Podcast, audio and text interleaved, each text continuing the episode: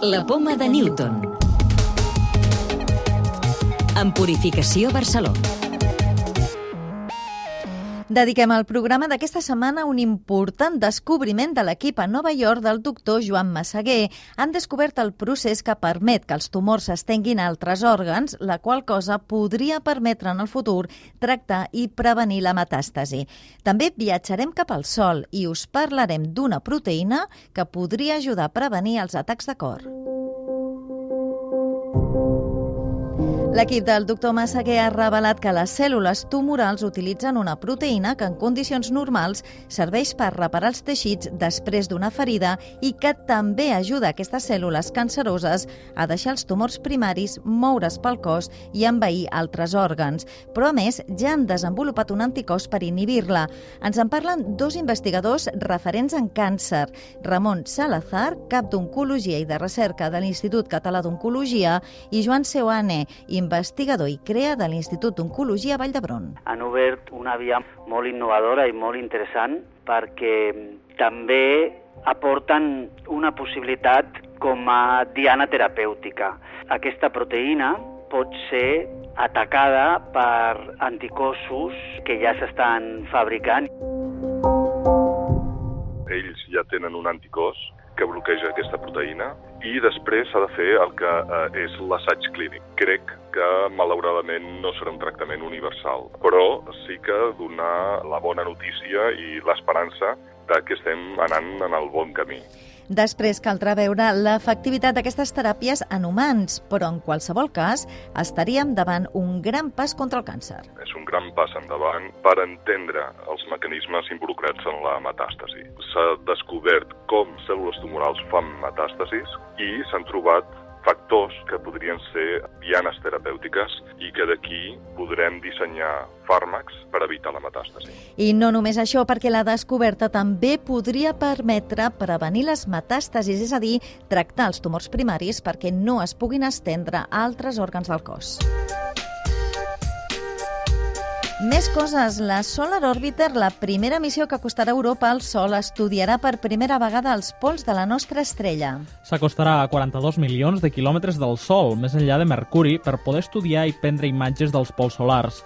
L'objectiu és fotografiar-los, estudiar com afecten les tempestes solars i com podem preveure-les per evitar les repercussions negatives que tenen sobre la Terra. Luis Sánchez, cap de desenvolupament científic a Terra de la missió.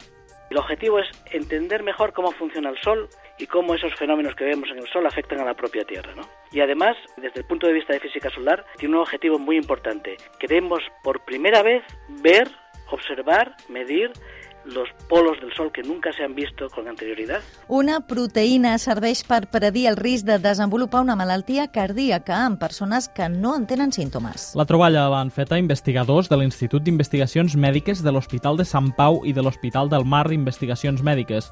La presència de la proteïna incrementa un 40% el risc de tenir al cap de 10 anys una malaltia cardiovascular. La troballa pot ajudar a evitar crisis cardíaques en el futur, segons Vicenta Llorente, investigadora de la recerca. Ja estem treballant per desenvolupar estratègies terapèutiques que modulen aquest receptor dintre de les coronàries que irriguen el cor, perquè d'aquesta manera serien capaces de controlar aquest risc de patir un event cardiovascular. Les nanopartícules d'òxid de ceri es mostren eficaces contra el càncer de fetge més freqüent. És el resultat d'una recerca de l'IDIVAPS i de l'Institut de Nanociència Ciència i Nanotecnologia. Es tracta d'un càncer amb poques possibilitats de tractament i les nanopartícules de seri van aconseguir en ratolins reduir la progressió dels tumors i augmentar la supervivència. Un estudi internacional en presència de l'Hospital Universitari Mútua de Terrassa evidencia que estudiant l'esperma possibles noves mutacions de l'autisme i fer selecció d'esperma poden ajudar a disminuir el risc de desenvolupar aquest trastorn. L'estudi demostra que no n'hi ha prou buscant mutacions relacionades amb l'autisme en sang, ja que algunes només es poden det detectar en l'esperma.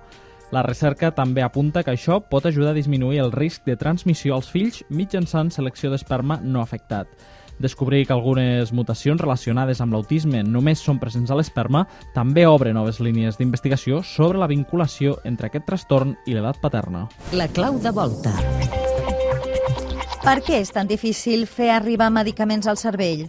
Meritxell Teixidor, investigadora de l'Institut de Recerca Biomèdica. És dificilíssim i ara una mica t'explico per què és dificilíssim. No? Probablement la natura ha fet que el cervell és un dels òrgans més preuats del nostre cos i per això l'ha protegit amb una cosa que a nosaltres, m'agrada sempre el símil de és una muralla medieval, no? I el protegeix tant que també en dificulta l'arribada quan l'hem de tractar. I el que hem fet nosaltres a l'IRB durant aquests 15 anys és intentar trobar una tecnologia que permetés, com si fossin uns tractors i remolcs, portar fàrmacs que per si sols no saben arribar. Recordeu que ja podeu descarregar-vos el podcast de la Poma de Newton o subscriure-us al programa per rebre'l directament als vostres dispositius.